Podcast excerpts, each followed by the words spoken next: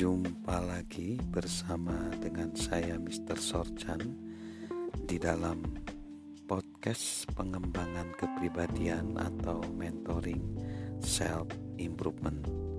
Pada saat ini kita masih belajar tentang hambatan-hambatan bagi sikap yang benar.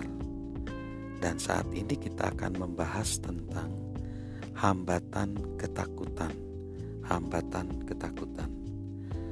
Pada tanggal 4 Maret 1933, Franklin Delano Roosevelt diambil sumpahnya sebagai Presiden Amerika yang ke-32. Itu adalah masa gelap dalam sejarah Amerika karena negara tersebut berada pada masa terburuk depresi pengangguran mencapai 25 persen. Banyak tabungan keluarga telah hilang karena kegagalan bank. Dan para petani kehilangan tanah mereka karena penyitaan. Orang kesulitan menghidupi keluarga mereka untuk membantu meyakinkan rakyat negara itu saat sambutan pelantikan pertamanya. Roosevelt mengucapkan kata-kata yang sekarang menjadi terkenal. Izinkan saya menegaskan keyakinan teguh saya bahwa satu-satunya ketakutan yang harus kita takuti adalah ketakutan itu sendiri. Ketakutan tak bernama, tak beralasan, tak dibenarkan, yang melumpuhkan diperlukan upaya untuk mengubah kemunduran menjadi kemajuan. Dalam setiap masa kegelapan dalam kehidupan kita, kepemimpinan yang terus terang dan kuat telah mendapatkan pemahaman dan dukungan rakyat yang sangat penting bagi kemenangan. Saya yakin bahwa Anda akan memberikan lagi dukungan itu pada kepemimpinan dalam masa-masa kritis ini.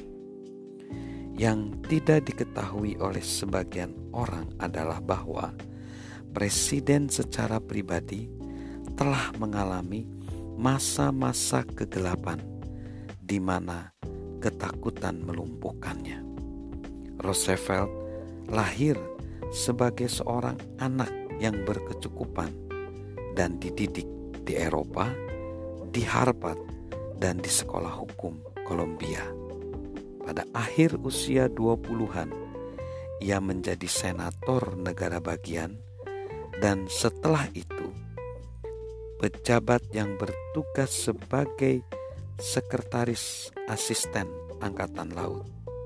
Tetapi pada 1921 pada usia 39 tahun Roosevelt diserang oleh polio yang parah yang membuat dia sangat lemah. Selama masa penyembuhan, Roosevelt mengembangkan ketakutan yang ekstrim terhadap api. Ia khawatir bahwa ia tidak dapat meloloskan diri dari api karena ketidakberdayaannya.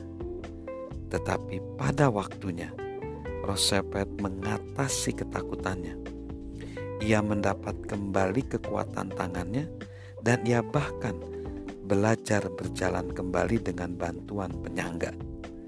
Dan ia kembali memasuki area politik tanpa rasa takut berkampanye untuk menjadi gubernur New York yang ia lakukan pada tahun 1929. Ia terus melangkah untuk menjadi salah seorang dari presiden terbesar Amerika. Di segmen berikutnya, kita akan belajar apa yang dimaksud dengan ketakutan tersebut. Salam mentoring, salam sukses luar biasa dari saya, Mr. Sorjan.